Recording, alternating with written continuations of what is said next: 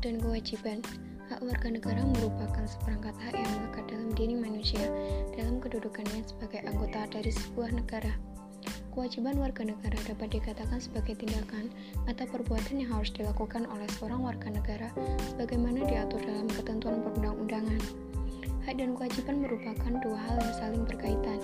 Keduanya memiliki hubungan sebab akibat. Seseorang mendapatkan hak karena kewajibannya telah terpenuhi.